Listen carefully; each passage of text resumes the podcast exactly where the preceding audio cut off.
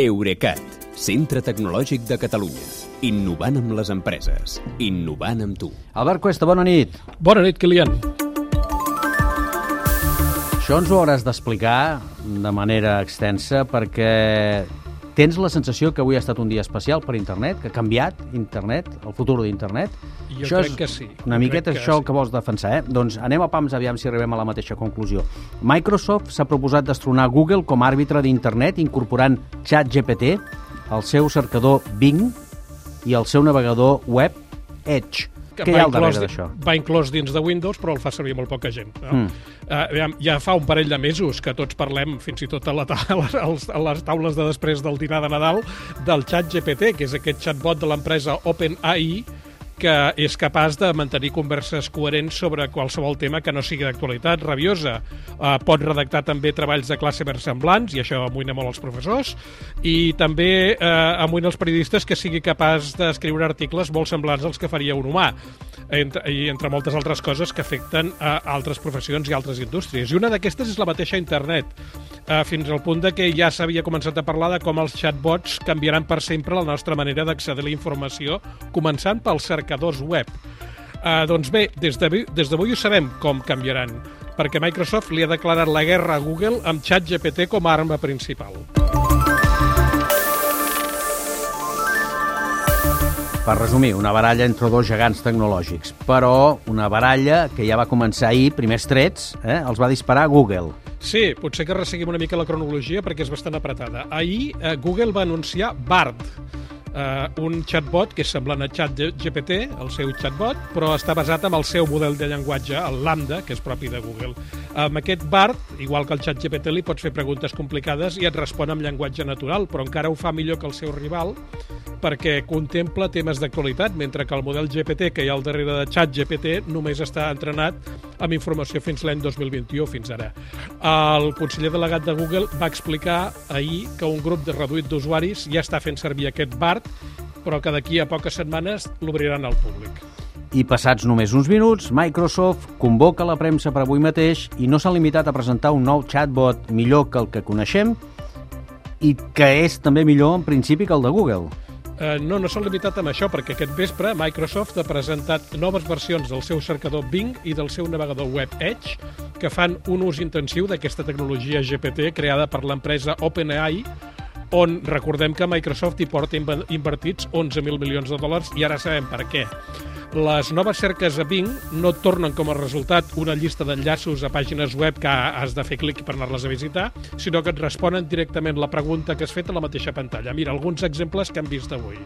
Uh, li pregunta, compara'm l'estil dels pintors mexicans més coneguts. Un altre, explica'm com canviarà un pastís si canvio l'ou de la recepta original per un ingredient alternatiu. Una altra pregunta formulada amb aquests termes. Eh? Recomana'm, recomana'm els millors televisors de 65 polzades i quan et dona la resposta li, li, li tornes a demanar escolta, d'aquests, quin m'anirà millor, més bé per jugar a videojocs? Hi ha hagut una que m'ha fet molta gràcia, que és comprova si aquest model de butaca d'IKEA, un model de butaca concret, cabrà al maleter d'un monovolum Honda Odyssey de l'any 2019. Doncs en tots els casos, i molts d'altres que ens han ensenyat, a l'esquerra de la finestra del navegador et surt la llista habitual, la de sempre, dels enllaços web, però a la dreta et surt un text que respon al teu dubte de manera molt detallada. Per exemple, a aquesta pregunta de la butaca i del cotxe eh, et do- et dona la mida de butaca, la mida del cotxe, però et diu que només la podràs enquibir si plegues la segona i la tercera fila de seients. Però és que la cosa no s'acaba aquí, perquè la nova versió del navegador Edge també porta integrada la intel·ligència de GPT, i ho han demostrat obrint eh, en directe un document PDF de 15 pàgines, que era la memòria corporativa del trimestre d'una coneguda cadena de botigues de roba, i li han demanat a Edge que em fes un resum de tres paràgrafs amb la informació més rellevant, i aquest resum l'he aparegut immediatament amb una finestra adjunta, i jo crec que podria passar perfectament per un article d'un diari d'economia. Ostres. Entre una cosa i l'altra, jo diria que el futur de l'accés a la informació ja és aquí i no s'assembla gaire a una cerca de Google tal com la coneixem. I Google com es defensarà? Com es defensarà d'aquesta amenaça? Uh, doncs aviat ho sabrem, perquè aquesta batalla, de fet, porta anys preparant-se, però s'està desformant en menys de 72 hores. Google, precisament, té convocada per demà una presentació en directe des de París, on explicarà precisament com té previst aplicar la intel·ligència artificial, la seva, eh, en alguns dels seus serveis més populars. Un d'ells són precisament les cerques web, un altre són els mapes, el tercer és el comerç electrònic i el quart és la traducció de contingut.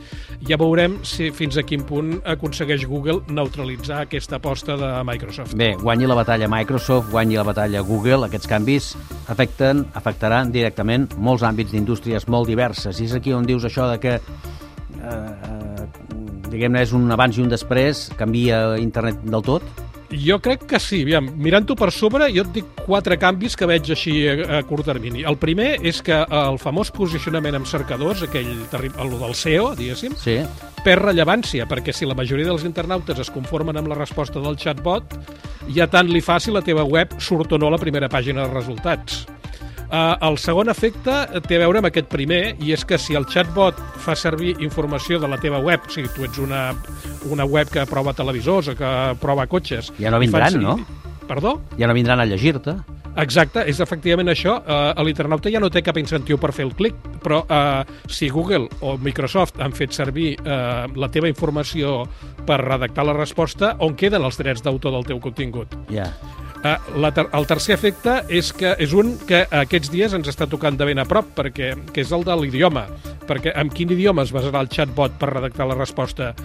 Tant Google com Microsoft saben traduir eh, el contingut eh, fàcilment a més de 100 idiomes. Si no vigilem, pot ser que aquests cercadors tan intel·ligents acabin llegint només pàgines en anglès o en castellà i traduir-les a l'idioma que tu vulguis. Per tant, aquí hauríem de tornar a ser perseverants i militants. I tant, ens haurem de mirar molt. I ja per acabar, la quarta conseqüència, que jo trobo que és la més greu pel futur de Google, que és en quin lloc de la resposta aquesta redactada incrustarà a partir d'ara els anuncis que li proporcionen pràcticament tots els ingressos. Clar, hi ha un altre rovell, eh? És, és un plat amb molts rovells de l'ou. Molts, Molts. i segur que en sortiran més. Sí, sí, mentre no es desfacin ni es facin molt bé, la resta funcionarà. Aviam quina truita surt. Gràcies i que vagi bé. Bona nit. Bona nit, Kilian. Fins demà.